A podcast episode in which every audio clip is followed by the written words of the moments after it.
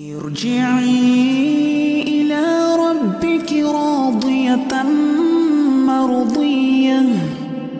فادخلي في عبادي. وادخلي جنتي.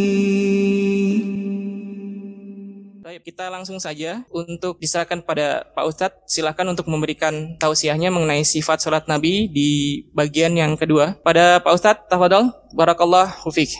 Assalamualaikum warahmatullahi wabarakatuh. Alhamdulillahi rabbil alamin. Wassalatu wassalamu ala ashrafil mursalin. Nabiyyina wa maulana Muhammadin wa ala alihi wa sahbihi ajma'in. Wa ashhadu an la ilaha illallah wahdahu la syarika lah. واشهد ان محمدا عبده ورسوله صلى الله عليه وعلى اله وصحبه وسلم تسليما كثيرا ثم اما بعد Alhamdulillah puji syukur kita haturkan kehadirat Allah Azza wa Jal Dialah zat yang membimbing kita untuk selalu membenahi setiap aktivitas ibadah yang kita lakukan karena kita meyakini bahwasanya Allah Subhanahu wa taala akan menerima amal yang dilakukan oleh hambanya yang di, diiringi dengan rasa takwa. Sebagaimana yang Allah firmankan dalam Al-Quran, Innama yataqabbalullahu minal muttaqin. Sesungguhnya Allah hanya akan menerima amal hamba yang diiringi dengan takwa. Allah hanya akan menerima amal dari orang-orang yang bertakwa. Dan potongan ayat ini berbicara tentang kisah dua putra Adam, Qabil dan Habil yang mereka sama-sama berkurban kepada Allah atas perintah dari Allah Subhanahu wa taala. Watlu alaihim naba abnai adama id qarraba qurbanan fatuqabbila min ahadihima wa lam yutaqabbal min al-akhar. Ceritakan kepada mereka dua putra Adam yaitu Qabil dan Habil. Ketika keduanya berkorban, yang satu diterima oleh Allah, walam yutaqabbal min al-akhar, sementara yang satunya tidak diterima oleh Allah Subhanahu wa taala. Akhirnya yang satu yang tidak diterima ini merasa iri dan dia mengatakan la aqtulanna, aku akan membunuhmu. Kemudian balasan indah yang diucapkan oleh Habil putra Adam yang diterima kurbannya beliau mengatakan innama yataqabbalullahu minal muttaqin. Allah hanya akan menerima ibadah yang dilakukan oleh hamba yang bertakwa.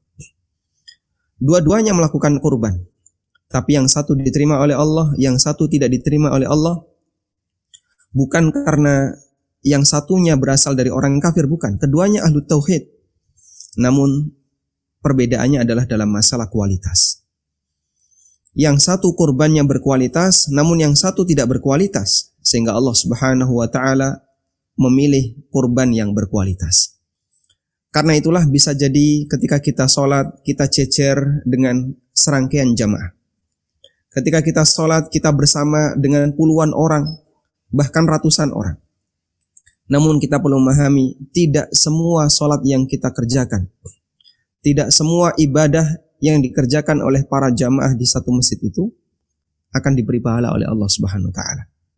Mungkin ada sebagian di antara mereka yang sholatnya tidak naik ya, dalam arti tidak diterima oleh Allah Subhanahu wa taala, ada yang sama sekali tidak dikasih pahala oleh Allah, karena ibadahnya sangat tidak berkualitas.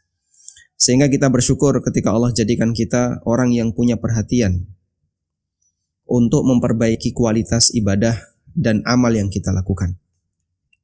Selanjutnya jamaah yang dimuliakan Allah, Nabi Shallallahu Alaihi Wasallam mengajarkan tentang bagaimana cara sholat yang benar itu dalam satu pertemuan dan itu selesai. Artinya membahas tentang ibadah yang sempurna bisa dijelaskan dalam waktu yang singkat, juga bisa dijelaskan dalam waktu yang panjang. Sehingga kalau pertemuan kita hanya dua kali, itu bukan kemudian meremehkan materinya, bukan. Namun karena masalah keterbatasan waktu, dan insya Allah untuk kajian buku tafsir salat, yang barangkali Bapak Ibu sudah ada yang memilikinya, akan kita bedah secara rutin dalam kajian pagi ba'da subuh melalui ANB channel yang juga disiarkan langsung di beberapa media uh, sunnah seperti Niaga TV atau Hijrah TV atau juga Wesal biasanya ikut ya Wisal juga ikut dan beberapa media sunnah yang lainnya. Semoga dimudahkan oleh Allah Subhanahu wa taala. Di kesempatan kali ini kita akan membahas mulai dari ruku. Setelah kita menyelesaikan pembahasan sampai tumak nina, berikutnya kita akan membahas tentang ruku. Pertemuan terakhir yang kita bahas adalah tentang tumak nina. Dan tumak nina itu selalu ada di dua rukun, tapi kadang menjadi amalan yang ditinggalkan oleh masyarakat di rukun yang lain. Jadi secepat apa pun sholat seorang hamba, pasti dia tumak nina di dua rukun. Ya, barangkali jamaah masih ingat. Yang pertama adalah ketika orang berdiri membaca Al-Fatihah dan surat, pasti tumak nina. Yang kedua ketika membaca tasyahud, pasti tumak nina. Di dua rukun itu. Makanya Nabi SAW mengingatkan tumak nina bukan di dua rukun ini. Tapi di rukun-rukun yang lain terutama sujud dan rukuk terutama rukun antara dua ini, antara membaca surat dengan rukun tasyahud. Ketika beredar video sholat raweh tercepat di dunia, 21 rakaat yang hanya diselesaikan dalam waktu 15 menit. Itu berarti satu rakaat berapa menit? Kurang dari satu menit ya dengan gerakan yang sangat cepat seperti yang kita saksikan di video. Saya perhatikan di dua rukun itu dia tumak nina. Imamnya tumak nina. Ketika membaca fatihah dan ketika tasyahud. Dia tumak nina. Tapi waktu rukuk dan sujud ya kita bisa saksikan ya. Seperti ayam mematuk. Cepat sekali gerakannya culit-culit culit-culit. Ya. Tapi untuk baca surat dengan tasyahud mereka tumak nina. Tayyib. Sekarang kita akan bahas tentang fikih ruko. Bagaimana ruko yang sesuai sunnah? Beberapa hal yang perlu kita perhatikan ketika ruko agar kita sesuai sunnah ketika ruko. Yang pertama, Nabi Shallallahu Alaihi Wasallam menekan lututnya, jari-jari direnggangkan dan telapak tangan mencengkram lutut, sehingga posisi tangan ketika ruko itu ditaruh persis di depan lutut mencengkram lutut dan agak ditekan. Sehingga bukan dirapatkan ya, tapi direnggangkan, mencengkram. Tata cara ruku itu mengalami perubahan. Dulu ada tata cara yang disebut dengan tatbik. Tapi ini sudah sudah dihapus oleh syariat. Sudah mansuh meskipun sebagian sahabat masih mempraktekkan. Tata cara tatbik adalah menggabungkan dua telapak tangan seperti ini. Kemudian ditaruh di sela-sela antara uh, lutut kanan dan kiri. Di sela-sela paha. Kalau Anda pakai sarung bisa melakukan tatbik. Atau pakai jubah bisa melakukan tatbik ya. Jadi seperti ini, kemudian ditaruh di sela-sela paha kanan dan kiri. Kalau pakai celana nggak bisa tatbik. Dan pakaian orang Arab di masa silam bawahan itu kalau ndak e, seperti pakaian orang yang umroh sehingga bentuknya seperti sarung. Yang kedua adalah jubah. Sehingga mereka ketika melakukan tatbik seperti ini memungkinkan.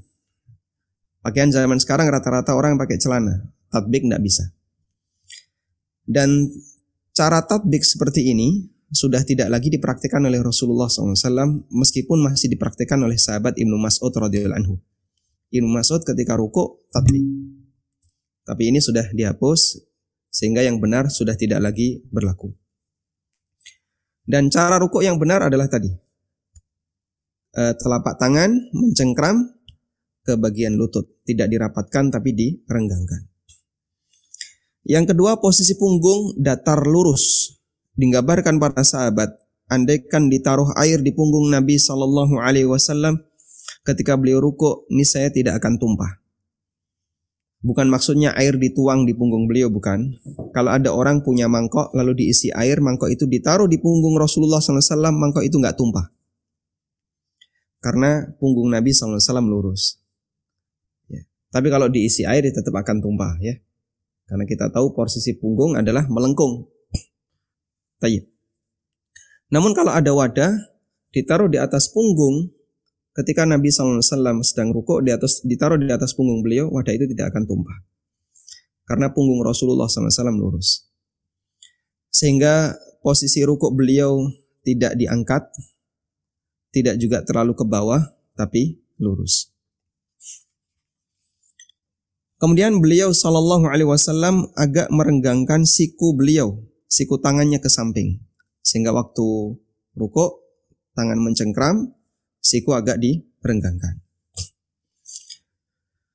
Disebutkan dalam hadis dari Anas bin Malik radhiyallahu anhu, Nabi Shallallahu alaihi wasallam pernah berpesan kepada beliau, "Idza raka'ta fadha kaffaika ala rukbataika wafruj baina asabi'ik." warfa yadaika an jambaika. Apabila kamu ruku, letakkan telapak tanganmu di lututmu. Wafruj baina asabi. Dan renggangkan jari-jari tanganmu. Warfa yadaika an jambaika dan agak ya, lebarkan kedua tanganmu an jambaika ke samping badanmu. Sehingga beliau agak merenggang ketika ruku, tangannya uh, agak dilebarkan ke samping. Cuman ketika ini saya perhatikan dalam praktek masyarakat Indonesia, nampaknya mungkin beda dengan postur fisiknya orang Arab. Jadi kita kalau ruku, tangan kita tidak sepanjang mereka, tinggi badan kita tidak setinggi mereka, sehingga kalau dibuat renggang seperti itu, akhirnya punggung malah nunduk. Akhirnya punggungnya malah nunduk. Dan saya juga punya teman orang keturunan Arab, uh, dia dari Bani Maretan dan ketika rukuk kalau nggak direnggangkan punggungnya naik sehingga ketika direnggangkan baru bisa lurus. Tayyip. Terus mana yang diprioritaskan? Apakah memperhatikan lurusnya punggung ataukah memperhatikan siku yang direnggangkan? Wallahu alam, tujuan merenggangkan siku di sini adalah agar punggung itu bisa lurus. Sehingga kalau misalnya postur tubuh kita tidak seperti tingginya badan orang Arab sehingga saat rukuk pada waktu tangan direnggangkan kok malah nunduk maka sebaiknya Anda luruskan saja. Yang penting punggung dibuat lurus sehingga utamakan punggung itu lurus. Wallahu alam. Dan dalam satu hadis ini tadi kita bisa mengambil pelajaran tentang tiga tata cara rukuk. Pertama tangan ditaruh di lutut, yang kedua jari-jari direnggangkan, dan yang ketiga adalah posisi siku agak direnggangkan ke samping. Kemudian yang berikutnya yang keempat, posisi kepala lurus dengan punggung. Tidak lebih tinggi dan tidak lebih rendah. Sehingga dia tidak dongak seperti ini, juga tidak nunduk seperti ini. Tapi lurus, tidak naik, tidak turun, tapi dia lurus. Ini posisi kepala. Aisyah radhiyallahu anha menceritakan wa kana idza raka'a lam yushkhis ra'sahu wa lam yusawwibhu walakin baina dzalika. Nabi sallallahu alaihi wasallam ketika ruku beliau tidak uh, mengangkat kepala beliau dan beliau juga tidak merendahkan kepala beliau, tidak menundukkan kepala beliau. Walakin baina dzalika namun antara itu. Artinya Nabi SAW melakukannya dalam posisi lurus. Baik. Kita mendapatkan pelajaran dari beberapa kajian tentang tata cara sholat bahwa arah pandangan mata ketika sholat itu adalah ke arah tempat sujud. Arah pandangan mata ketika sholat diarahkan ke tempat sujud. Baik. Namun ketika ini saya praktekkan, di posisi ruku di mana kepala tidak boleh dongak, kepala tidak boleh terangkat, tapi kepala harus lurus, kemudian pandangan ke arah tempat sujud, maka kita harus berupaya untuk ngelirik ke atas. Ya, perlu sedikit memaksa agar bisa ke arah tempat sujud. Selanjutnya saya mendapatkan satu kaidah yang disampaikan oleh Imam Ibnu Utsaimin rahimahullah dalam Syarhul Mumti beliau mengatakan hukum asal gerakan salat hukum asal gerakan salat adalah dikembalikan pada posisi badan yang nyaman selama di situ tidak ada dalil yang menegaskan harus berbeda. Artinya apa? Kalau ada kondisi tertentu badan itu nggak nyaman, maka kita perlu mengembalikan hukum asalnya itu dibuat badan itu nyaman. Dan ruko kalau sambil ngelirik ke atas ini mungkin uh, kalau kita bertahan agak sakit, kecuali jika kepala agak di dinaikkan. Nah, kepala kalau dinaikkan baru bisa melihat ke arah sujud dengan nyaman. Tapi kalau kepala lurus melihat ke arah sujud dengan nyaman agak susah. Mau dipraktekkan? Kalau lurus melihat ke arah sujud dengan nyaman agak susah karena mata kita harus ngelirik ke, ke arah atas gitu ya. Nah, kemudian saya juga mendapatkan kesimpulan bahwa dalam posisi tertentu Nabi Shallallahu Alaihi Wasallam ketika sholat pandangan mata beliau tidak melebihi lutut, yaitu pada saat beliau sedang tasyahud. Pandangan ke arah apa? Ke arah jari, tidak melebihi jari beliau dan jari ini di posisi di atas lutut. Sehingga pandangan mata tidak melebihi dari lutut. Maka dari sini kami mendapatkan kesimpulan bahwa yang lebih tepat pandangan mata ketika sholat intinya adalah tidak melebihi batas sujud. Kalau kurang dari itu diperbolehkan.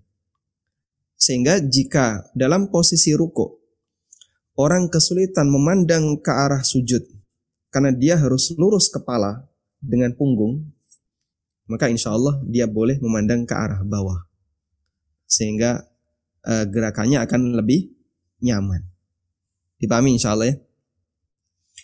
Jadi ketika seorang hamba melaksanakan ruku dan dia kesulitan untuk menghadap atau memandang ke arah sujud di posisi kepala itu lurus dengan punggung, maka dia diperbolehkan ruku dan arah pandangannya diarahkan ke bawah.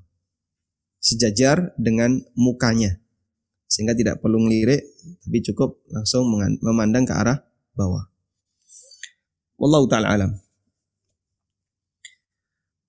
Dan ketika Bapak Ibu melakukan ruku, fokuskan pikiran Anda untuk melakukan gerakan di atas, yang gerakan-gerakan ini sesuai sunnah.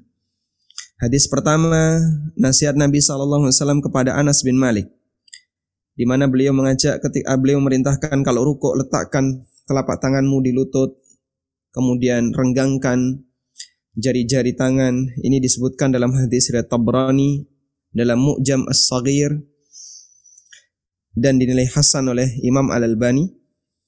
Kemudian hadis Aisyah radhiyallahu anha Nabi SAW ketika ruko beliau posisi kepalanya lurus dengan punggung tidak lebih tinggi dan tidak lebih rendah. Ini disebutkan dalam hadis riwayat Muslim dan Abu Dawud. Sehingga Bapak Ibu saat melakukan gerakan seperti itu ingat ini hadis riwayat Muslim. Ini hadis riwayat Tobroni. Ada sunnah dari Nabi Sallallahu Alaihi Wasallam. Tayyib. Ada sedikit masalah ya. Sebagian orang ketika ruko dia itu tidak bisa menilai gerakan badannya. Dan umumnya orang seperti itu.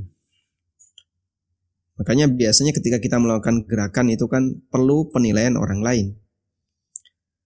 Karena itu sebagai latihan, Bapak Ibu silahkan ruko dengan sempurna sebagaimana yang disebutkan dalam sunnah tadi. Selanjutnya minta orang lain untuk menilai. Punggung saya sudah lurus belum? Kebanyakan mereka yang baru belajar cara sholat sesuai sunnah, punggungnya itu terlalu rendah. Karena dia merasa harus semangat gitu ya. Terlalu semangatnya sampai punggungnya nunduk terlalu rendah. Sebaliknya banyak masyarakat kita ketika malas-malasan melakukan rukuk sempurna, punggungnya masih terlalu, punggungnya masih naik. Ya. Sehingga tidak lurus. Makanya Anda bisa latihan, rukuk dalam posisi punggung lurus, kepala lurus dengan punggung, minta orang lain menilai. Ini sudah lurus belum? Sudah lurus belum? Naik dikit, naik dikit. Kepalanya sudah lurus belum? Turun dikit, turun dikit. Dah? Kalau udah lurus, sekarang dikunci. Biasakan seperti ini. Oh, berarti rukuk saya sudah lurus, kepala saya juga lurus dengan punggung kalau posisinya seperti ini. Nah, sekarang praktekkan berkali-kali seperti itu, insya Allah kalau kita terbiasa, maka nanti kita akan tahu posisi rukuk yang benar tanpa harus melihat dari penilaian orang lain. Tayyib. Karena kadang ketika kita melakukan gerakan, sementara kita tidak melihat gerakan kita, kita tidak tahu apakah sudah lurus ataukah belum. Dan itu kalau sudah jadi kebiasaan, ya sulit untuk dibenerin. Makanya minta orang lain dulu atau mungkin Anda pakai cermin ya. ya pakai cermin, lihat tapi nanti ngelirak-ngelirik jadinya ya. Anda perhatikan sudah lurus, sudah kunci di posisi itu. Nanti setiap kali ruko ikuti posisi itu.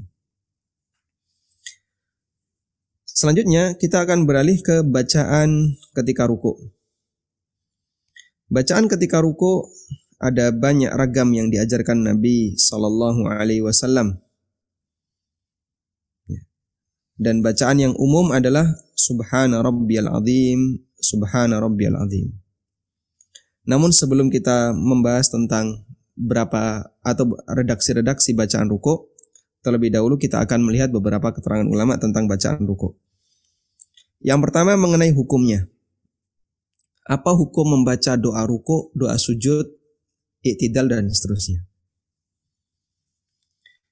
Ada dua pendapat ulama. Pendapat yang pertama, bacaan ruku hukumnya sunnah. Dan ini pendapat jumhur ulama. Jumhur di sini adalah Hanafiyah, Malikiyah, dan Syafi'iyah, selain Hambali. Pendapat yang kedua, bacaan ruku hukumnya wajib. Sehingga jika ditinggalkan dengan sengaja, maka sholatnya batal. Dan jika ditinggalkan karena lupa, maka harus sujud sahwi.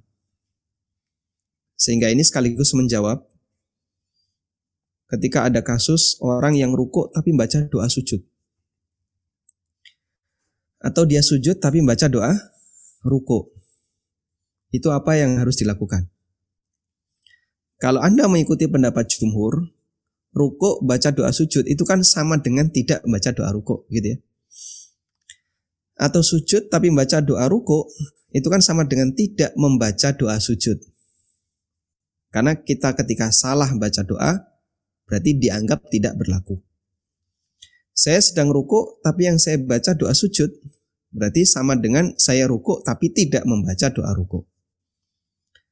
Kalau kita pakai pendapat jumhur lupa seperti ini tidak perlu sujud sahwi sehingga sholat bisa dilanjutkan sampai selesai dan tidak ada kewajiban untuk sujud sahwi. Tapi kalau kita menggunakan pendapat yang kedua, maka kita harus sujud sahwi. Pendapat kedua ini merupakan pendapat Ishaq bin Rohuyah, salah satu muridnya Imam Ahmad. Kemudian pendapat Zohiriyah, dan pendapat Imam Ahmad menurut riwayat yang sahih dari beliau dan pendapat yang diriwayatkan oleh Ibnu Khuzaimah. Dalil pendapat kedua ini adalah kebiasaan Nabi Shallallahu Alaihi Wasallam. Beliau selalu membaca doa ruku dan sujud ketika ruku dan sujud. Sementara kita diperintahkan untuk meniru solat seperti yang dicontohkan oleh Nabi Shallallahu Alaihi Wasallam. Tayyib. Untuk lebih hati-hati sebisa mungkin jangan sampai ditinggalkan. Terus bagaimana kalau lupa? Kalau lupa, jika Anda bisa sujud sahwi, silakan sujud sahwi. Misalnya kasusnya tadi ya, rukuk baca doa sujud. Atau ketika sujud tapi kita malah baca doa rukuk. Kalau memungkinkan bagi Anda untuk sujud sahwi, silakan sujud sahwi. Tapi kalau nggak mungkin, mungkin posisi sebagai makmum, dan tidak mungkin ya makmum terus sujud sahwi sementara imamnya tidak sujud, maka uh, tidak ada kewajiban bagi makmum ini untuk sujud sahwi. Kemudian tentang berapa kali bacaan doa ruku. Ada beberapa riwayat yang menyebutkan jumlah bacaan doa ruku. Riwayat yang pertama, doa ruku dibaca 10 kali. Subhana rabbiyal azim, subhana rabbiyal azim, subhana rabbiyal azim. Ini berdasarkan keterangan dari Anas bin Malik radhiyallahu anhu. Anas bin Malik pernah melihat Umar bin Abdul Aziz salat. Umar bin Abdul Aziz ini tabi'in dan ketemu sahabat Umar bin Abdul Aziz ketika sholat dikomentari oleh sahabat Anas bin Malik. Ma ra'aitu ahadan ashbaha bi salati Rasulillah sallallahu alaihi wasallam min hadzal gulam. Saya tidak melihat ada orang yang sholatnya paling mirip dengan Rasulullah wasallam dibandingkan anak muda ini. Jadi waktu itu Umar bin Abdul Aziz masih muda, ketemu Anas bin Malik. Qala kata perawi yang menyaksikan sholatnya Umar bin Abdul Aziz, faharazna fir ruku'i ashra tasbihatin wa fis sujudi ashra tasbihatin. Lalu kami perhatikan, kami hitung. Lama rukuknya Umar bin Abdul Aziz itu kami cukup membaca 10 kali tasbih. Subhana rabbiyal azim, subhana rabbiyal azim, subhana rabbiyal azim, subhana rabbiyal azim, subhana rabbiyal azim, subhana rabbiyal azim. Subhana rabbiyal azim, subhana rabbiyal azim, subhana rabbiyal azim, subhana rabbiyal azim. Makmum protes. Kalau sekarang ya. Berapa lama tadi? Lumayan ya. Kita kan baca tiga kali aja terasa sudah sangat lama. Makanya biasanya baca tiga kali itu cepat. Bismillahirrahmanirrahim, bismillahirrahmanirrahim. Allahu Akbar. Sami Allah. Makanya kemudian sholatnya cepat. Padahal ngakunya sudah baca subhana rabbiyal azim tiga kali. Karena dia ketika baca saking cepatnya sampai gandeng-gandeng tadi. Subhana rabbiyal azim, subhana rabbiyal azim, subhana rabbiyal azim. Allah, sami Allah liman hamidah. Coba berlatih baca 10 kali subhana rabbiyal azim, subhana rabbiyal azim, subhana 10 kali. Sujud juga sama, subhana rabbiyal a'la, subhana rabbiyal a'la 10 kali. Sehingga sholat yang kita kerjakan betul-betul diwarnai dengan kesabaran. Ruko sabar ruko. Bertahan itu ruko. Dia nggak bangkit-bangkit. Sabar banget itu orang. Orang yang nggak sabar, wah udah kepanasan ini. Pengennya cepat segera ganti gerakan. Padahal habis sholat dia juga nganggur. Cuman ketika sholat dia nggak betah. Habis sholat ngapain? Ngobrol di masjid. Setengah dua baru pulang, sholat duhur. Dia nganggur setelah sholat. Cuman ketika sholat diminta lama, protes. Itulah karakter jamaah kita ya. Yang kedua dibaca tiga kali. Ini berdasarkan hadis Ibnu Mas'ud radhiyallahu anhu Nabi sallallahu alaihi wasallam bersabda, "Idza raka'a ahadukum falyakul fi ruku'ihi subhana rabbiyal azim thalathan." Apabila kalian ruku, maka bacalah ketika ruku subhana rabbiyal azim tiga kali. Fa idza fa'ala dzalika faqad tamma ruku'uhu. Jika dia melakukan itu berarti rukuknya sempurna. Sehingga bisa dibaca tiga kali dan ini juga disebutkan dalam riwayat Hudzaifah. Beliau pernah mendengar Rasulullah Shallallahu Alaihi Wasallam membaca Subhana Rabbiyal Azim tiga kali dalam ruku. Dan sujudnya juga sama, beliau baca Subhana Rabbiyal A'la tiga kali. Kalau sekali boleh nggak? Sekali boleh, tapi uh, Nabi Wasallam ajarkan tiga atau sepuluh. Sehingga sebaiknya kita pilih kalau tidak tiga, sepuluh. Ada juga sebagian ulama yang menyarankan boleh dibaca tujuh atau lima, minimal tiga. Seperti keterangan Hasan al-Basri. Hasan al-Basri pernah mengatakan at-tasbihu tam sab'un wal wasatu khamsun wa adnahu thalas. Tasbih yang sempurna itu tujuh. Pertengahannya lima. Yang paling pendek tiga. Meskipun boleh juga dibaca sekali. Sebagaimana keterangan Al-Qadhi Abu Ya'la, salah satu ulama madhab Hambali, Waqala Al-Qadhi, Al-kamilu fit tasbih in kana munfaridan ma la yukhrijuhu sahwi. Wa fi haqqil imami ma la yashukku 'ala al-ma'mumin. Untuk jumlah bacaan tasbih ketika sholat sendirian boleh sebanyak-banyaknya selama tidak sampai lupa. Tapi kalau dia jadi imam, yang penting jangan sampai memberatkan makmum.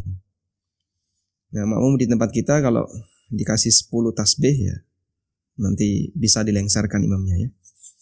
Makanya mungkin uh, bisa tiga atau eh, boleh kalau lebih ya lima.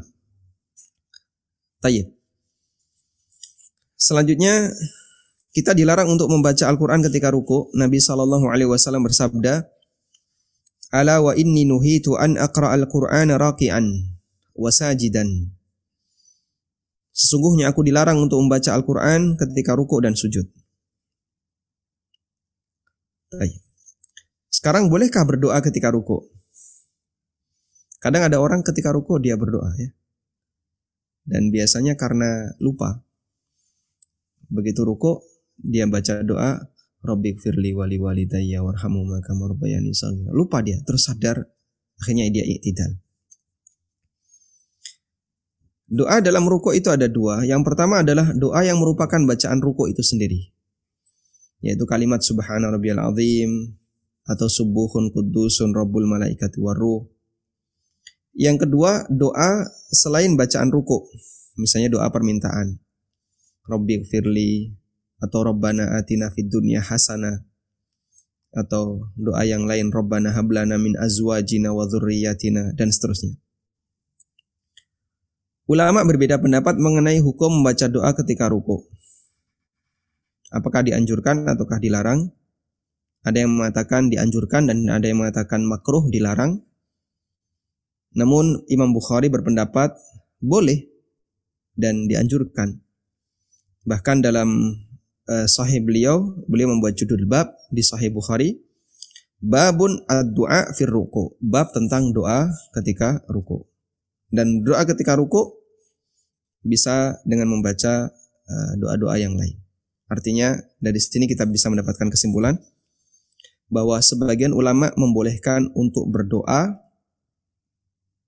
ketika sholat tidak hanya ketika sujud saja, tapi juga ketika ruku.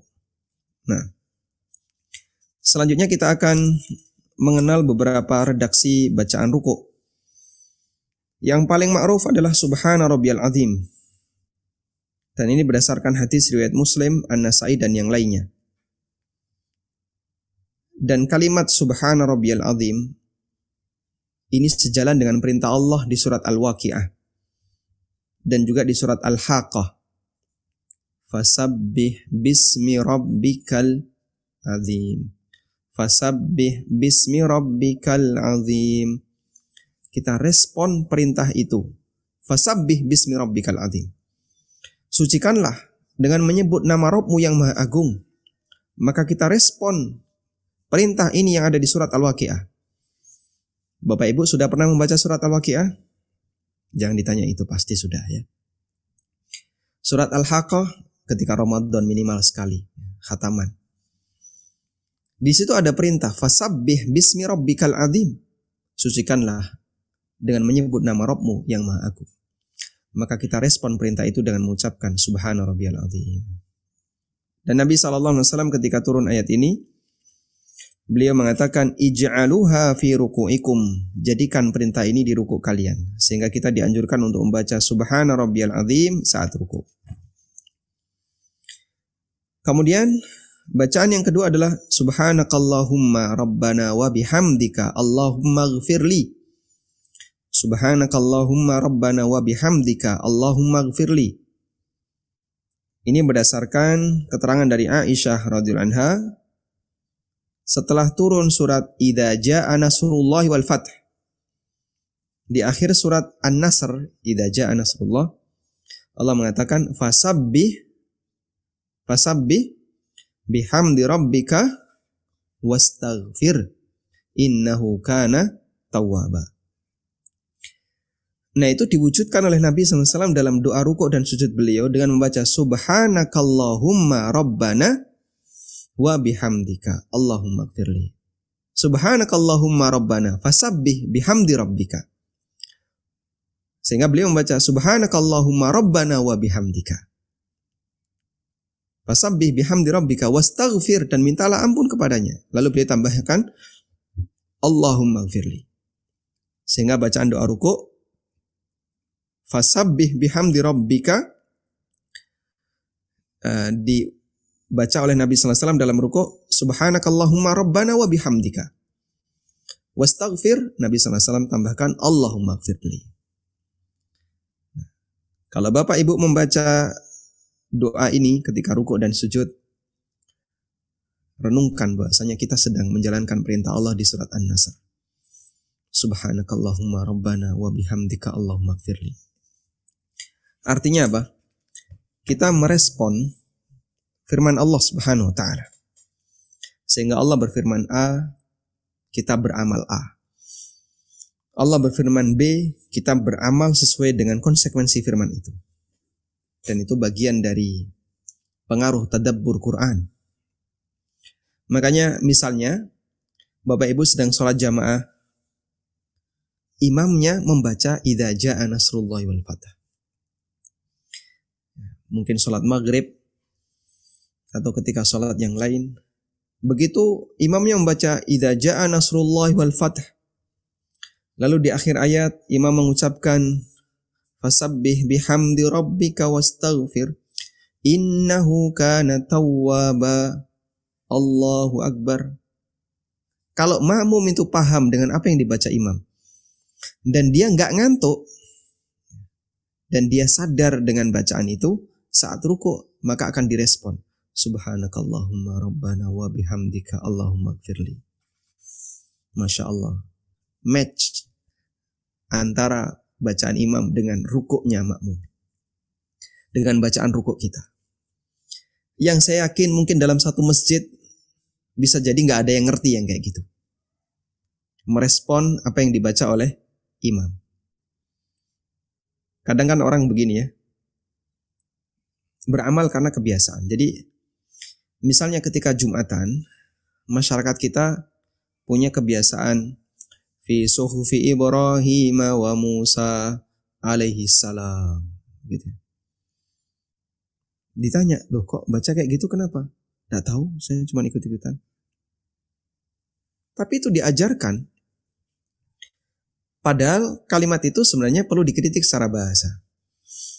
Karena yang disebutkan dua nabi, fi suhufi Ibrahim dan Musa. Tapi ketika membaca, dia itu membaca alaihi salam. Harusnya yang benar gimana? alaihi salam. Yang paham bahasa Arab ngerti itu. Bukan alaihi salam harusnya. Harusnya alaihi salam. Nah. Nah, model matching seperti ini bisa kita lakukan yang lebih sesuai sunnah. Sehingga saat imam misalnya membaca Sabbih isma rabbikal a'la alladhi khalaqa fasawwa surat Al-A'la. Sabbihisma rabbikal a'la. Sucikanlah nama Rabbmu yang maha tinggi. Lalu kita respon. Saat sujud kita mengucapkan, kita teringat tadi imam membaca sabbihisma rabbikal a'la.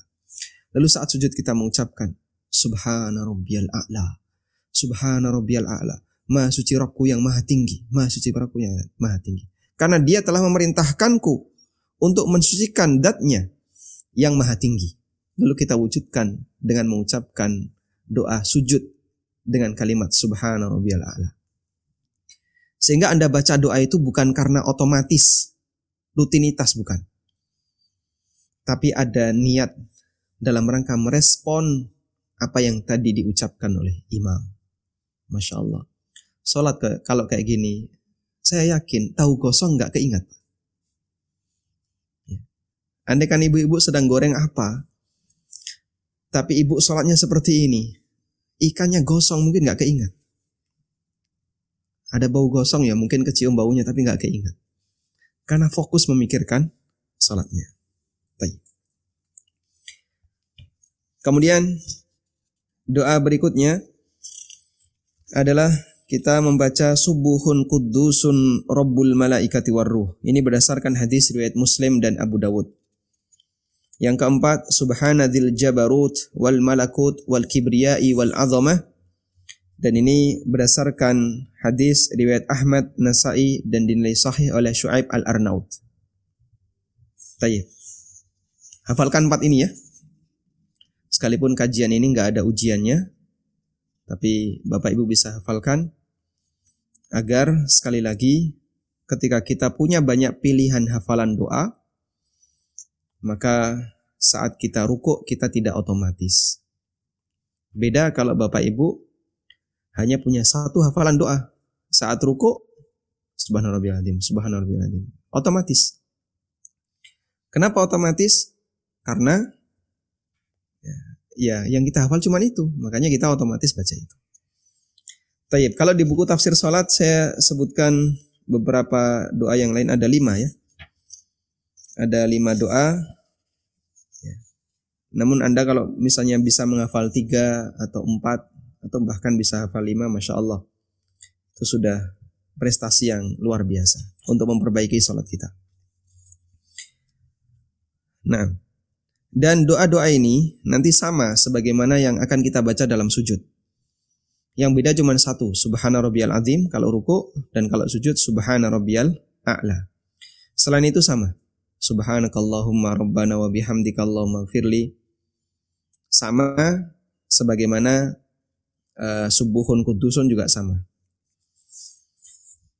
Selesai kita ruku, maka kita bangkit. Bangkit i'tidal. Kenapa sih kok disebut i'tidal? I'tidal secara bahasa berasal dari kata al-adl yang artinya adil. Sehingga i'tidal secara bahasa berkisar pada makna pertengahan, seimbang, sesuai aturan, proporsional. Kita mengenal istilah proporsional itu dalam bahasa Arab disebut dengan i'tidal. Karena itu penggunaan kata i'tidal berlaku untuk semua gerakan dalam sholat. Sehingga Nabi Shallallahu Alaihi Wasallam pernah menyebutkan dalam hadis, "I'tadilu fis sujud." Lakukanlah i'tidal ketika sujud. Itu kalau tidak paham sisi makna bahasanya bingung. Sujud kok disuruh i'tidal. Hadisnya muttafaqun alaih, hadis riwayat Bukhari Muslim. Yang dimaksud i'tadilu beriktidallah ketika sujud. Maksudnya adalah lakukan sujud secara proporsional. Sujud secara seimbang. Artinya tidak ekstrim dan tidak meremehkan. Karena sikap orang ketika sholat itu kan kadang terlalu ekstrim. Ya. Seperti tadi, ruku ekstrim sampai nungging gitu ya. Ini ruku yang ekstrim, tapi malah salah, tidak sesuai sunnah. Ada yang rukunya agak malas.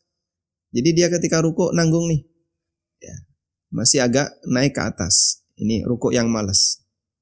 Ada yang ekstrim turun ke bawah, ada yang malas agak naik ke atas. Yang benar bersikaplah iktidal. Bersikaplah proporsional. Tayyib. Kemudian istilah iktidal dalam kajian fikih lebih banyak digunakan untuk menyebut gerakan bangkit setelah ruku. Bersikap iktidal ketika berdiri berarti berdiri tegak dan tidak nunduk. Sehingga i'tidal di sini adalah kembali sempurna mustaqim setelah sebelumnya punggung itu ditekuk.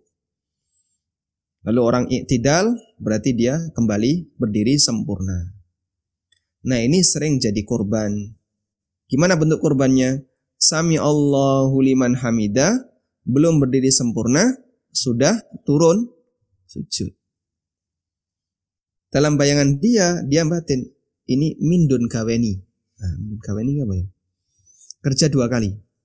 Pak, kita kan sudah posisi ruku, ini udah deket dengan sujud nih. Kenapa nggak sekalian aja? Masa malah disuruh berdiri terus nanti turun lagi? Makanya biar nggak kerja dua kali, naiknya nggak usah terlalu tinggi, langsung turun. Batal sholatnya. Karena berarti dia tidak tidak. Karena itulah iktidal oleh para ulama disyaratkan harus berdiri sempurna. Karena itu Nabi SAW mengatakan kepada orang yang sholatnya salah, Thummarfa hatta ta'tadila qa'iman. Bangkitlah sampai kamu betul-betul berdiri sempurna. Mustafa As-Suyuti mengatakan dalam Matalib Ulin Nuha, Wa aqallul i'tidal auduhu ay al-musalli li hay'atil mujzi'ah. Ay allati tujzi'uhu minal qiyam qabla ruku. Posisi minimal i'tidal adalah kembali ke posisi berdiri yang sah sebelum ruku. Berdiri yang sah sebelum ruku, ya berdiri sempurna. tidak masalah condong sedikit ketika itidal dan tumak nina karena condong sedikit masih bisa disebut berdiri jika dia ya, seperti misalnya ada orang yang memang punggungnya nggak bisa tegak sehingga dia ketika itidal pak luruskan pak ya gimana lagi ini sudah ya bahasa orang bongkok gitu ya ya mampunya seperti itu ya seperti itu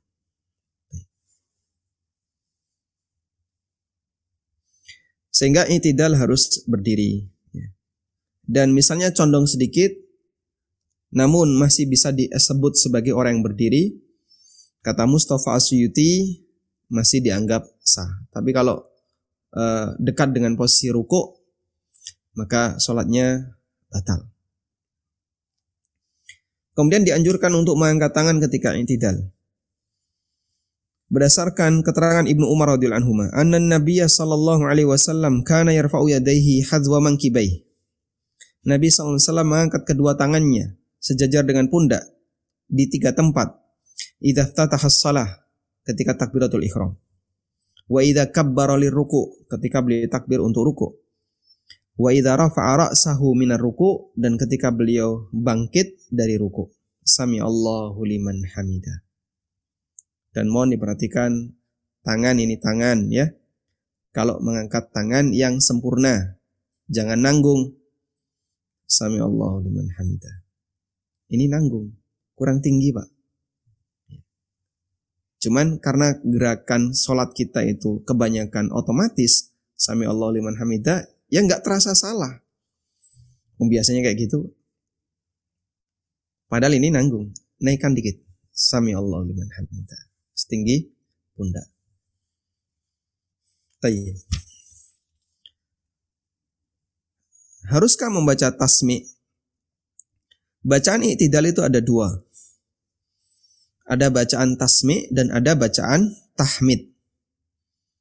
Tasmi adalah bacaan sami Allahu liman hamidah.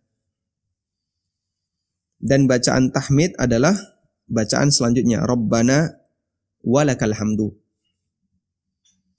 Untuk bacaan tasmi ulama beda pendapat. Sama sebagaimana uh, apa khilaf yang tadi tentang bacaan ruku. Jumhur mengatakan tidak wajib, namun Ishaq bin Rahuya, kemudian Zohiriyah dan Imam Ahmad dalam riwayat yang sahih mengatakan wajib. Sehingga bacaan tasmi ini sama sebagaimana bacaan uh, ketika takbir intikal atau ketika sujud dan ruku. Tayyib. Selanjutnya, bagaimana uh, apa kombinasi jika antara tasmi' dengan tahmid untuk sholat jamaah? Ulama berbeda pendapat mengenai kombinasi tahmid dan tasmi' ketika sholat jamaah. Sebagian ada yang mengatakan imam hanya disyariatkan untuk baca tasmi' saja dan tidak disyariatkan baca tahmid. Sehingga imam ketika sholat jamaah hanya disyariatkan membaca Sami Allahu liman hamidah. Nah yang baca Rabbana walakal hamdu biar makmum. Ini pendapat Hanafiyah dan Malikiyah. Pendapat yang kedua. Imam disyariatkan membaca tasmi' dan tahmid. Sami Allahu liman hamidah. Rabbana walakal hamd. Dan ini pendapat Syafi'iyah dan Hambali. Dan insya Allah pendapat yang kedua ini yang lebih sahih. Berdasarkan hadis dari Abu Hurairah radhiyallahu anhu, Nabi sallallahu alaihi wasallam kata Abu Hurairah, "Kana Nabi sallallahu alaihi wasallam idza qala sami Allahu liman hamida, qala rabbana walakal hamdu." Sehingga beliau menggabungkan antara tasmi' dengan tahmid. Sementara untuk makmum, makmum hanya disyariatkan untuk membaca tahmid saja, tidak membaca tasmi. Dan ini merupakan pendapat jumhur ulama selain Syafi'iyah. Dan inilah yang kita saksikan di Masjid Nabawi dan Masjidil Haram. Sehingga saat imam mengucapkan Sami Allahu liman hamidah maka makmum tidak perlu mengucapkan Sami Allahu liman hamidah tapi cukup membaca apa? Rabbana walakal hamdu. Pendapat yang kedua, makmum juga baca tasmi. Imam sami Allahu liman hamidah. Maka makmum sami Allahu liman hamidah Rabbana walakal hamdu dan pendapat yang kedua ini pendapat Syafi'iyah. Dan pendapat ini yang dipilih oleh Imam Al-Albani rahimahumullahul jami'. Tayyib.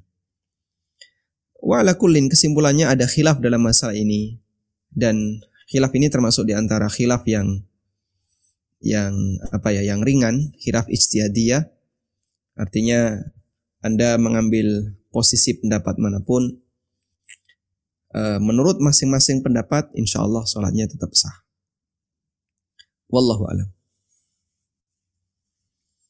Kemudian tentang posisi kedua tangan ketika i'tidal. Apakah dilepas ataukah disedekapkan? Kemarin sudah ditanyakan ini.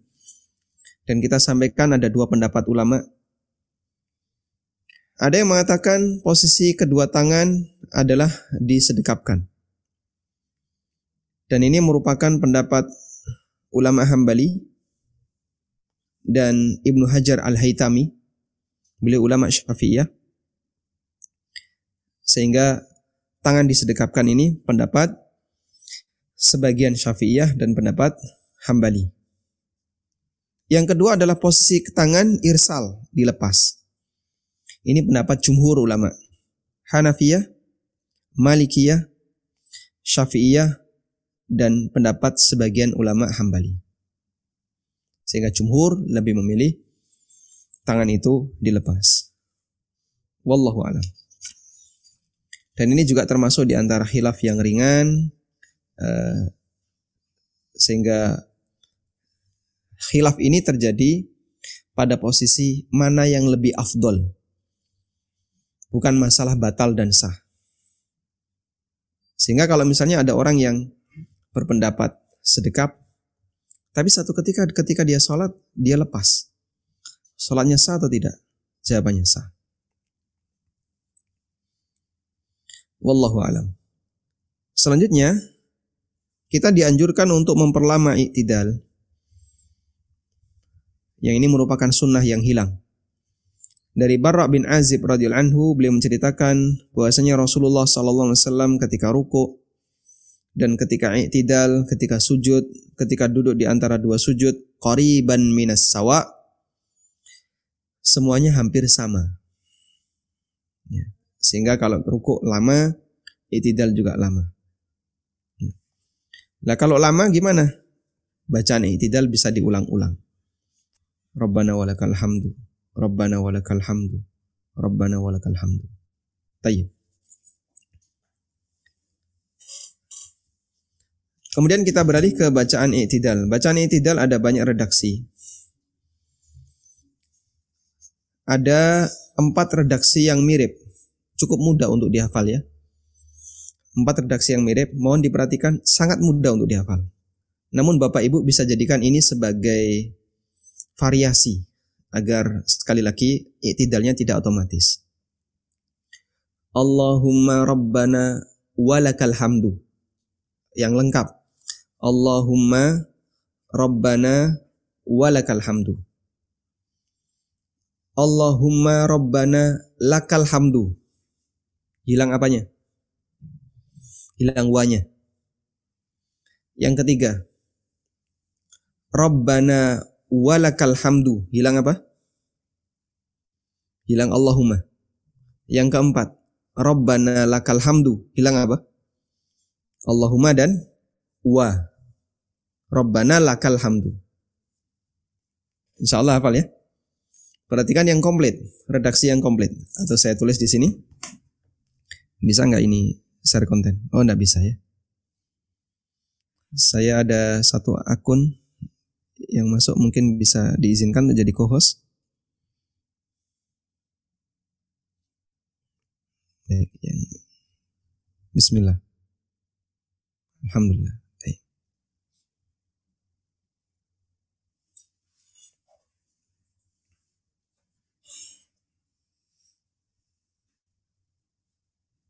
Uh, misalnya kita tulis di sini ya. Yang lengkap Allahumma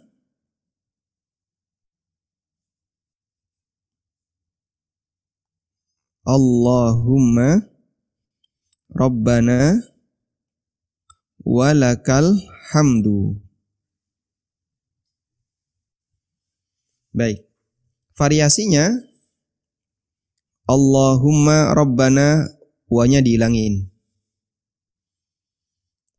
Ini nomor satu. Nomor dua Allahumma Rabbana lakal hamdu. Wanya dihilangin. Wanya dibuang. Nomor tiga Rabbana Allahumma-nya dihilangin. Allahumma dihilangin. Allahumma Rabbana walakal hamdu. Wanya di, ditetapkan. Ada, ada di situ. Yang keempat, Rabbana lakal hamdu. Rabbana lakal hamdu. Sehingga hilang wanya dan Allahumma. Baik. Berarti kalau Bapak Ibu sudah hafal empat ini, hafal empat sunnah. Masya Allah, Alhamdulillah. Bisa dijadikan sebagai variasi. Kalau sholat empat rakaat, rakaat pertama Allahumma Rabbana walakal hamdu. Rakaat yang kedua Allahumma Rabbana lakal hamdu. Rakaat yang ketiga Rabbana walakal hamdu. Rakaat yang keempat Rabbana lakal hamdu. Dan empat variasi ini berdasarkan hadis yang sahih semuanya.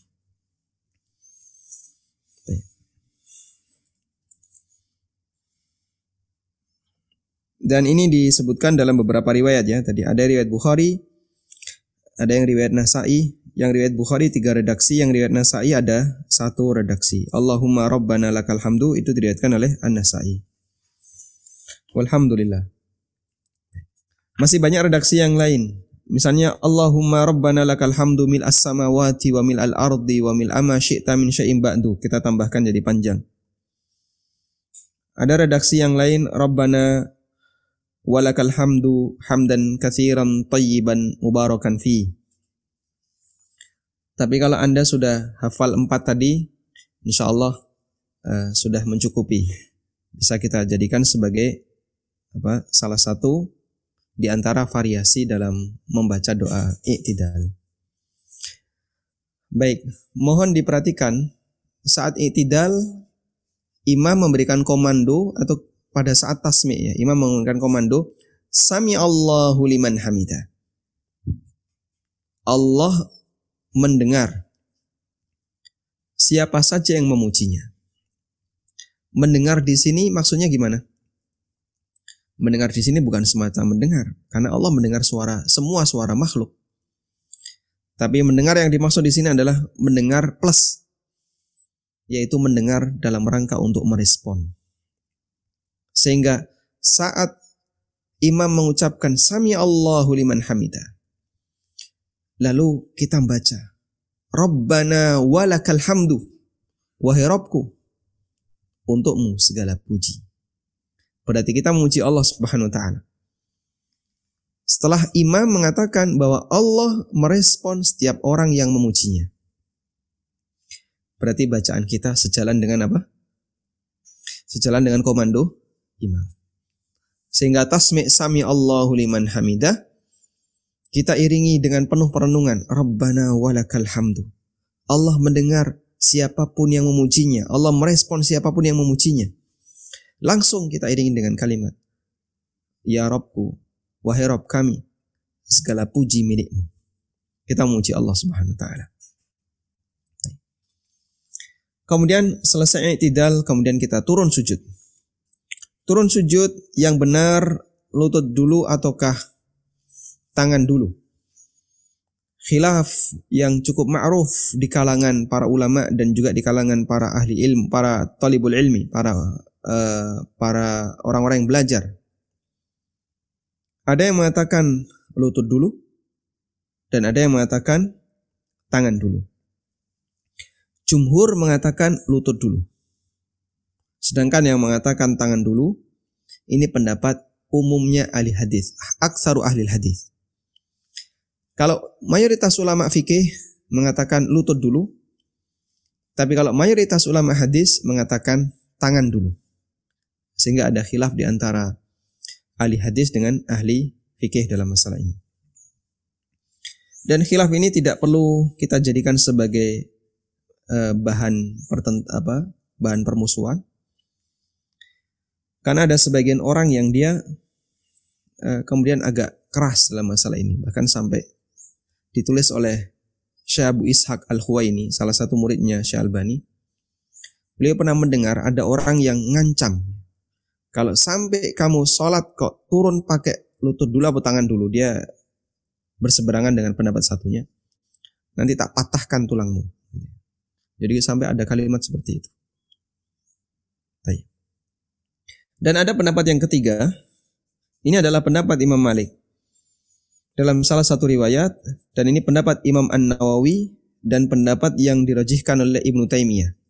Boleh milih salah satu. Mau rukuk dulu, mau uh, turun ruk, apa lutut dulu atau tangan dulu, dua-duanya boh boleh. Artinya ini dipahami sebagai sunnah tanawu. Sunnah tanawu itu sunnah yang semuanya diajarkan Nabi Sallallahu Alaihi Wasallam. Sehingga boleh terkadang turun tangan dulu, boleh juga terkadang turun lutut dulu. Misalnya kita ambil pendapat yang lebih kuat dalam hal ini menurut pribadi saya adalah tangan dulu. Maka kita turun dengan mendahulukan tangan. Nah, saat kita turun mendahulukan tangan, nanti posisi tangan itu pasti akan kita pindah. Kenapa? Karena kita ketika sujud di posisi tangan itu ada di posisi tertentu. Tapi sebelumnya ketika sujud dianjurkan untuk mengangkat tangan ketika turun sujud. Ada dua riwayat yang menyebutkan itu. Dianjurkan untuk sesekali mengangkat kedua tangan saat turun sujud. Sehingga selesai i'tidal Rabbana walakal hamdu. Kita turun sujud dengan mengangkat kedua tangan. Allahu Akbar. Turun sujud. Pertama hadis Ibnu Umar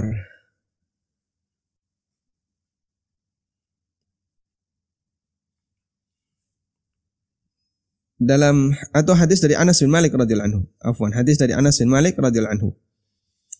Beliau mengatakan anna Nabi sallallahu alaihi wasallam kana yarfa'u yadayhi fi ruku'i was sujud. Nabi sallallahu alaihi wasallam mengangkat kedua tangannya ketika rukuk dan sujud. Dan ini diriwayatkan oleh Ibnu Abi Syaibah dan sanatnya disahihkan, sanatnya disahihkan oleh Syalbani. Sehingga terkadang Nabi Shallallahu Alaihi Wasallam melakukannya. Dan kata uh, Imam As-Sindi, Imam As-Sindi ini salah satu gurunya Syekh Muhammad bin Abdul Wahab dalam masalah hadis.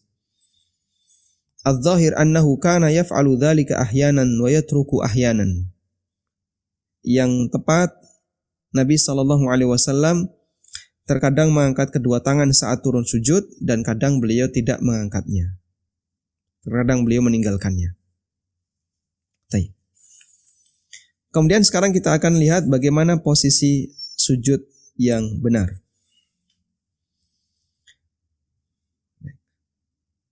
Dalam sujud itu ada tujuh anggota sujud. Tujuh anggota sujud. Nabi SAW mengatakan, Umir tu'an asjuda ala sab'ati a'dum. Aku diperintahkan oleh Allah untuk bersujud di atas tujuh tulang, tujuh anggota sujud. Yang pertama adalah alal jabha wa asyara biyadihi ala anfihi. Pertama adalah dahi dan ketika beliau berisyarat kena hidungnya juga gini. Yang pertama ini. Sehingga kena apa ini? Dahinya dan hidung beliau sallallahu alaihi wasallam. Wal yadain, dua telapak tangan, wa rukbatain, dua lutut, wa atrafil qadamain dan dua ujung kaki.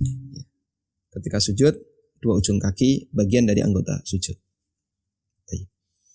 Dan ulama mengatakan jika salah satu dari tujuh anggota sujud ini nggak nempel, maka sujudnya batal. Kalau sujud batal, sholatnya apa? Satu batal?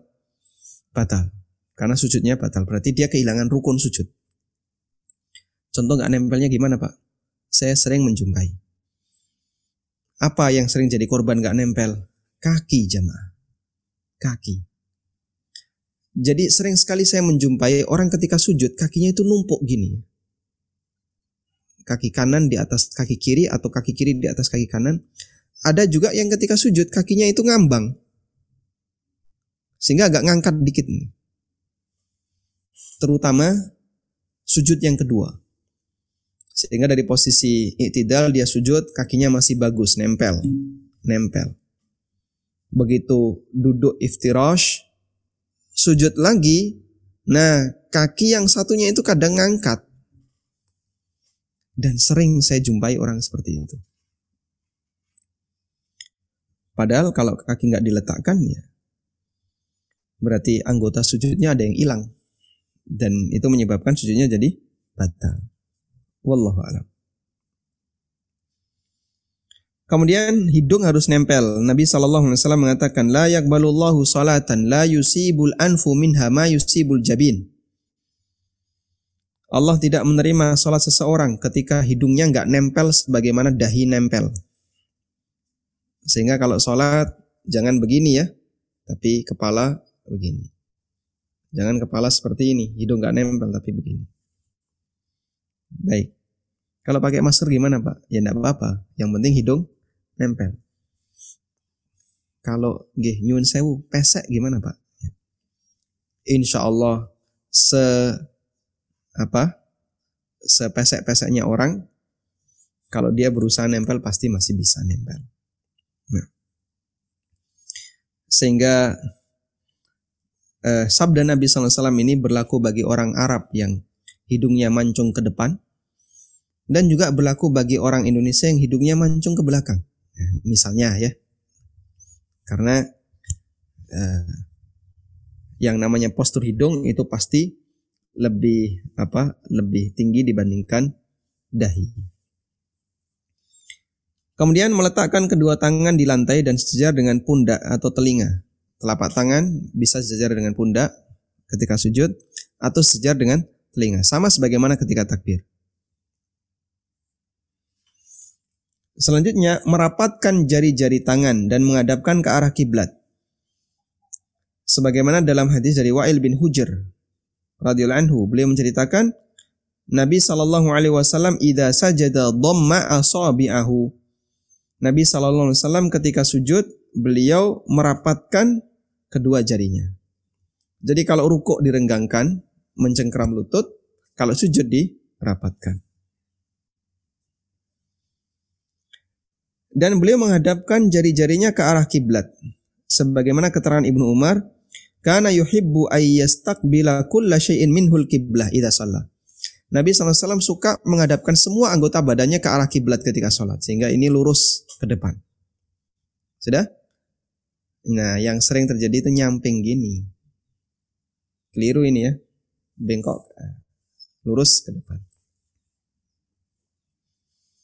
Kemudian mengangkat kedua hastanya dan membentangkan keduanya ke samping hingga jauh dari lambung. Begini. Ya. Nabi SAW ketika sujud, ya. Wadu ayadaihi ghaira muftarish. Nabi SAW ketika sujud meletakkan kedua telapak tangannya di lantai dan siku tidak ditaruh di lantai, tapi dinaikkan. Dan beliau farraja baina yadayhi hatta ia berdua bayadu ibtaihi. Nabi merenggangkan kedua tangannya sampai nampak ketiak beliau. Nampak ketiak itu dari dari mana? Dari belakang ya. Kok bisa? Apa sholatnya nggak pakai baju? Atau baju Nabi SAW sobek ketiaknya? Bukan. Namun pakaian Rasulullah SAW itu seperti pakaian orang yang ihram. Ya. Dan itu pakaian adat umumnya orang Arab ketika itu. Seperti pakaiannya orang yang ihram. Sehingga uh, apa kain apa dikalungkan di pundak saat dipakai sujud otomatis apa kelihatan bagian belakangnya dan itu tidak mungkin kalau rapat gini berarti sujud beliau apa direnggangkan Kemudian kedua tumit dirapatkan, kedua tumit dirapatkan dan jari-jari ditekuk menghadap kiblat. Tumit, tumit dirapatkan. Kita bicara kaki nih ya. Tumit dirapatkan, jari-jarinya ditekuk menghadap ke arah kiblat. Ini kalau saya praktekkan di sini kan tidak sopan ya. Makanya Bapak Ibu bayangkan saja ya. Tumit dirapatkan, jari-jari ditekuk menghadap ke arah kiblat. Saya pernah dapat keterangan, mungkin eh, para dokter lebih paham itu. Katanya bangun tidur itu dianjurkan untuk jinjit. Untuk apa misalnya eh, memperkuat apa organ keseimbangan badan. Dan itu kita lakukan. Sehingga kita sujud, Anda paksa jari itu ditekuk saat sujud. Sakit-sakit dikit tidak apa-apa, tapi kalau sudah sering insya Allah itu bermanfaat bagi badan. Mungkin Bapak Ibu lebih paham tentang itu. Selanjutnya, eh, merenggangkan antara paha dengan perut. Posisi paha dengan perut direnggangkan. Ya. Sehingga gimana? Paha dengan perut. Jadi saat menjulur ke depan antara lambung dengan paha itu tidak mepet ya, tapi agak renggang. Posisi paha dengan lambung agak renggang. Berarti begini ya. Bukan mepet gini, bukan pendek gini, tapi agak dibuat renggang. Sebagaimana yang disampaikan oleh Abu Humaid Nabi SAW ketika sujud farraja baina fakhidaihi gaira hamilin batna. Nabi SAW merenggangkan antara kedua paha beliau sehingga jauh dari perut beliau. Semoga bisa dipraktekkan dengan baik. Lalu setelah itu duduk di antara dua sujud dengan cara duduk iftirash yaitu kaki kiri diduduki, kaki kanan ditegakkan sebagaimana dulu iftirash pada umumnya. Dan tentang bacaan sujud sama sebagaimana bacaan ruku selain satu yaitu subhana rabbiyal a'la. Ini beda. Dan itu sejalan dengan firman Allah di surat Al-A'la, Al-A'la, sabbihisma rabbikal a'la. Lalu Nabi SAW perintahkan, ija'aluha fi sujudikum jadikanlah bacaan ini dalam sujud kalian sehingga ketika sujud kita dianjurkan untuk membaca subhana rabbiyal a'la. Kemudian ketika tasyahud akhir kita membaca atau kita duduk tawaruk. Duduk tawaruk ya duduk di mana pantat itu ditaruh di tanah ya. Sementara kaki kanan dan kiri menyilang seperti ini ya. Ya, dan ini cinjit. Sebagaimana duduk tawaruk yang sering kita lakukan. Wallahu taala alam, mungkin demikian yang bisa kita sampaikan dan eh, mohon maaf jika ada apa visualisasi pakai cerita itu memang nggak maksimal. Namun Bapak Ibu bisa melihat di Ufit TV ada video lengkap tentang tata cara sholat dari mulai takbiratul ikhram sampai salam. Dan itu lengkap ya. Ada berapa 40-an episode atau berapa? Kalau ingin melihat bagaimana posisi-posisi gerakan yang sesuai sunnah nanti bisa nonton video itu. Demikian semoga bermanfaat. Wassallallahu ala nabiyyina Muhammadin wa ala alihi wa sahbihi wasallam. Wa akhiru da'wana anilhamdulillahi rabbil alamin. Barakallahu fiik. Jazakallah khairan kathir Ustadz Ami atas penjelasannya mengenai sifat salat Nabi dan Masya Allah banyak ilmu mungkin dari sebagian kita ataupun anak pribadi yang baru mengetahui bahwa selama ini ya mungkin gerakan kita ada yang salah atau ada yang miss seperti itu ya Pak Ustadz mudah-mudahan dari ilmu Pak Ustadz tadi bisa kita terapkan pelan-pelan sehari-hari sehingga kita bisa terbiasa ke depannya insya Allah amin Baik Pak Ustadz ini masih ada waktu beberapa menit bisa kita tanya jawab dulu Pak Ustadz. Silahkan mungkin 10 menit lagi. Baik. Ini sudah ada beberapa pertanyaan saya bacakan. Yang pertama, Assalamualaikum. Semoga Ustadz dan panitia senantiasa dalam lindungan Allah. Waalaikumsalam warahmatullahi Ustadz, kalau kita rutin mengerjakan sholat sunnah rawatib, tapi suatu ketika jika kita terlambat untuk sholat di awal waktu, maka apakah masih boleh sholat sunnah rawatib atau langsung mengerjakan sholat fardu? Jazakumullah khair Ustaz. Wa jazakumullah khairan. Jika Anda sholatnya tidak berjamaah dan masih memungkinkan untuk melaksanakan sholat wajib pada waktunya, maka tidak masalah sholat rawatib terlebih dahulu. Misalnya kondisi pandemi seperti ini, masjid ditutup misalnya ya, lalu anda pulang dari safar, uh, setelah duhur pas jam 2, nah kemudian setelah itu anda karena telat ya, duhurnya misalnya jam 12, anda jam 2, asar jam 3, masih ada waktu satu jam. Lalu Anda qobliyah qobliyah duhur, kemudian sholat duhur, baru setelah itu ba'diyah duhur. Sangat cukup untuk waktu satu jam. Maka Anda silahkan lakukan itu. Tapi kalau posisi Anda sebagai makmum dan sudah komat, maka Anda boleh sholat rawatib sementara uh, sholat wajib sudah dimulai sehingga harus bergabung bersama jamaah. Wallahu a'lam. Barakallahu fiik, Pertanyaan selanjutnya, eh Afwan Ustaz, mohon pencerahan bagaimana gerakan jari telunjuk saat duduk iftirosh atau tawaruk. Jazakallah fiqh. Bagaimana gerakan jari telunjuk saat duduk tawaruk atau iftirosh saat uh, tasyahud ya? Gerakan telunjuk ketika tasyahud ada dua. Di buku saya sebutkan itu. Yang pertama adalah empat atau tiga jari ini digenggam sempurna. Nah, seperti ini ya. Kemudian kita apa? Kita lepaskan jari telunjuk seperti ini. Empat jari, tiga jari digenggam sempurna, jempol menggenggamnya, kemudian kita telunjukkan seperti ini. Yang kedua, yang kedua antara jempol dengan jari tengah membentuk lingkaran. Nah, seperti ini. Nah, begini ya. Kemudian dua jari sisanya digenggamkan. Begini. Nah. Baik, bisa cara pertama tadi seperti ini atau cara yang kedua seperti ini. Dan dua-duanya uh, disebutkan dalam hadis yang sahih. Sehingga bisa cara pertama atau kedua. Wallahu a'lam.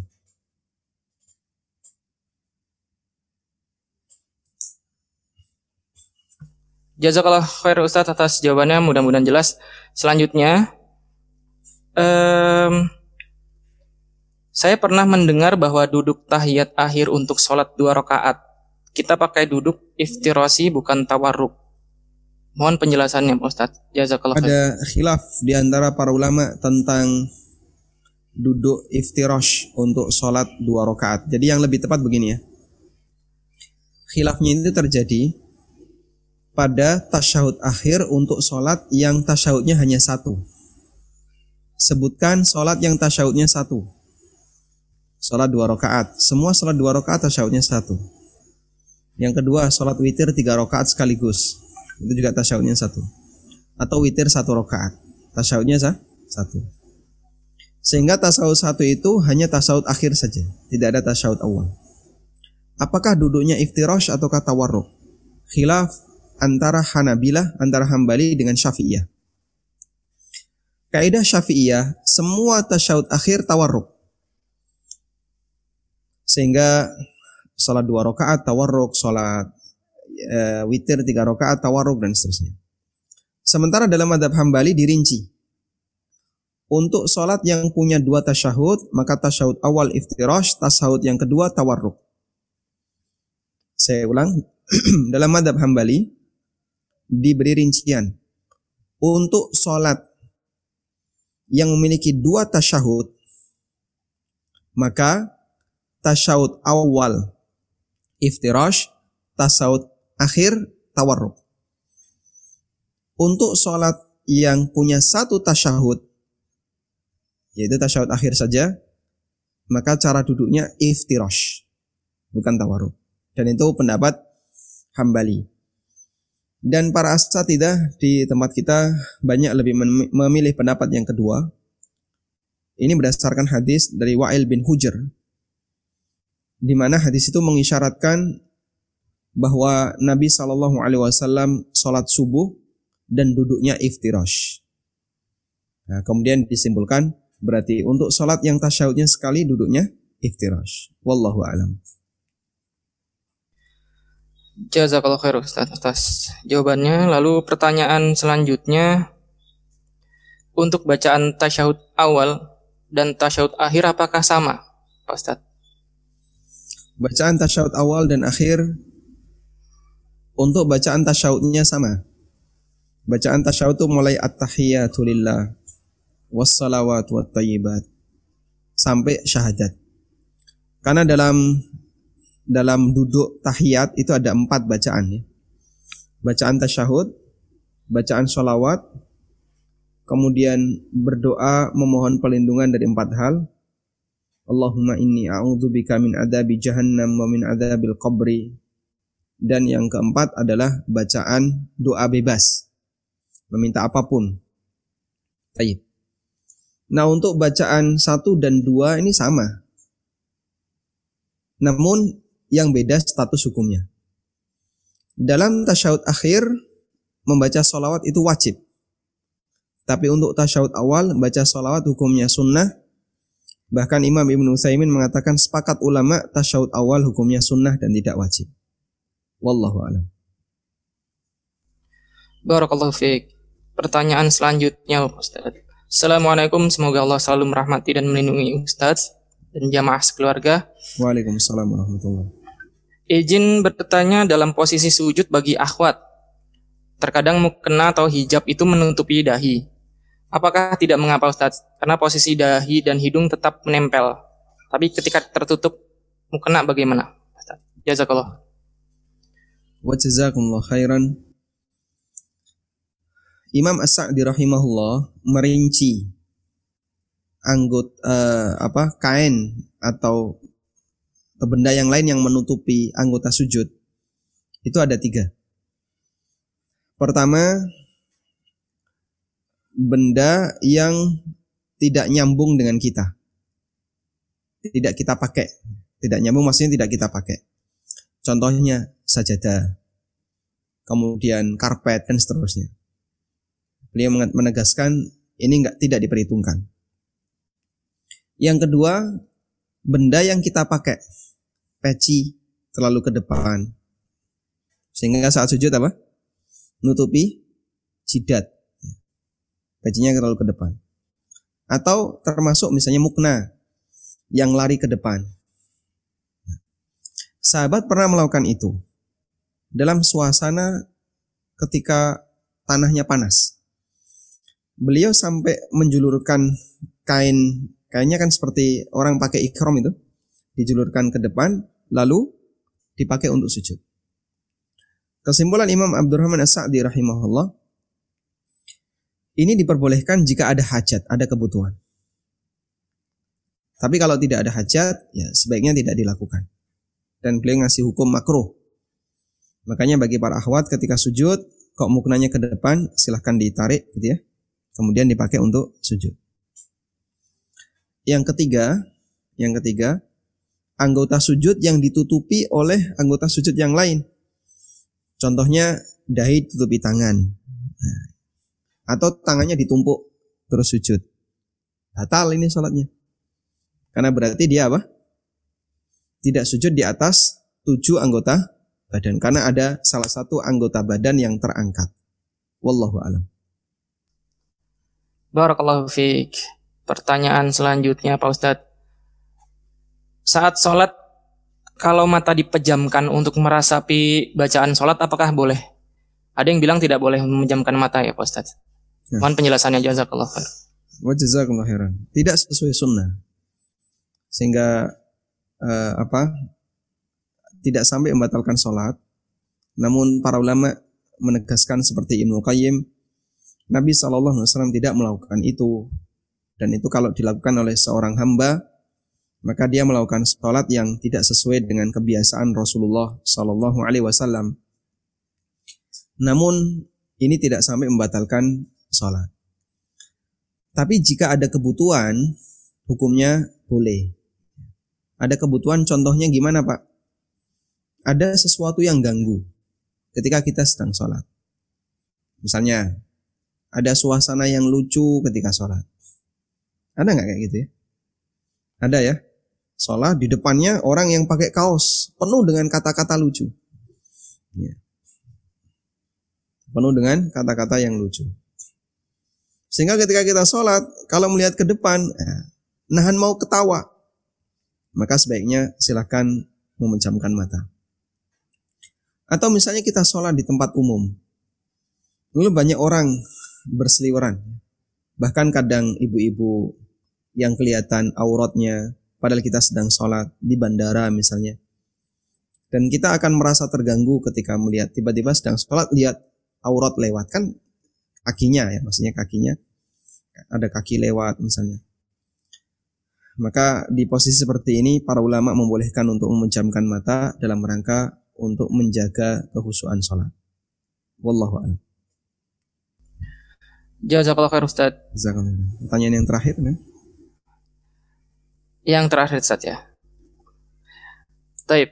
Jadi di saat kita buang air kecil dan sudah merasa bersih sebenarnya, tapi kayak ngerasa masih ada yang netes-netes gitu Pak Ustadz. Kira-kira apa kita berdosa? Apa yang harus kita lakukan? Pak? Yang bertanya kita... umur berapa? Umur dewasa Pak Iya jelas dewasa. Uh, maksudnya produktif. Alhamdulillah. Berarti itu was-was setan.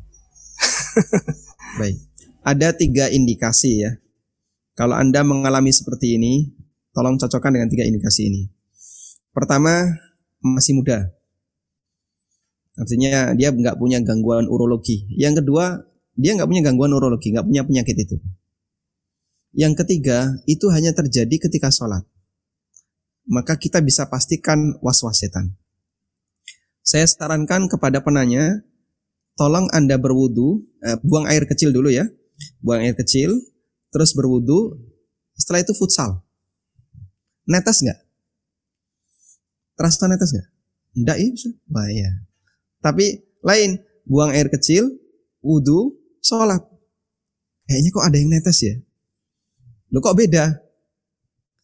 Karena setan nggak ganggu Anda ketika Anda futsal.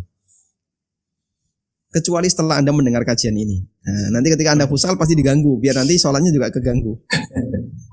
Sebenarnya itu cuma bawaan perasaan. Anda buang air kecil, wudhu, terus sepedaan.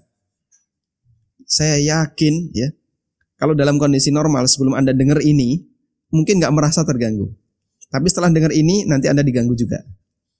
Ya, katanya disuruh seperti ini. Terus tak praktekkan. Buang air kecil, wudhu, sepedaan. Kok kayaknya masih ada yang netes? Eh, itu karena Anda sudah dengar kajian ini. Sehingga setan ganggu. Biar nanti ketika sholat pun diganggu juga. Sudah? Kata kunci untuk bisa menghilangkan penyakit ini hanya satu. Hanya satu. Jangan digubris. Ya. Tapi Ustadz kayaknya kok, nah selama Anda masih mikir itu berarti belum sembuh. Saya ketemu beberapa orang sampai nangis dia gara-gara penyakit ini. Dia sampai nangis. Dan padahal, padahal beliau itu polisi ya. Polisi nangis karena penyakit ini. Saya cuma sarankan, Pokoknya jangan digubris. Selama bapak masih tanya saya, berarti belum sembuh. Akhirnya dia nggak berani nanya. Dan dia tanya itu.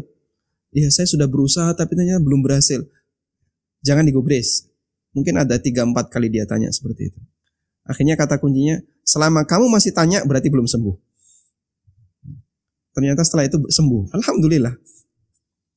Pokoknya jangan digubris. Jangan digubris itu nggak usah dipikirkan, nggak usah ditanya, nggak usah Gak usah pakai kata jangan-jangan. Sudah biarkan saja. Tapi sepertinya masih ada yang, ah, dia berarti belum sembuh. Pokoknya kalau masih mikir sepertinya masih, ya itu berarti belum sembuh. Itu hanya sebatas was-was setan. Ya, seperti orang yang berhalusinasi seperti ada yang kencing dan seterusnya. Ada yang netes padahal aslinya tidak ada. Wallahu alam demikian yang bisa kita sampaikan. Semoga bermanfaat. Wassallallahu ala nabiyyina Muhammadin wa ala alihi wa sahbihi wasallam. Wa akhiru da'wana anil hamdulillahi rabbil alamin. Wassalamualaikum warahmatullahi wabarakatuh. Waalaikumsalam warahmatullahi wabarakatuh. Irji'i ila rabbiki radiyatan mardiyah. Fadkhuli fi ibadi. وادخلي جنتي.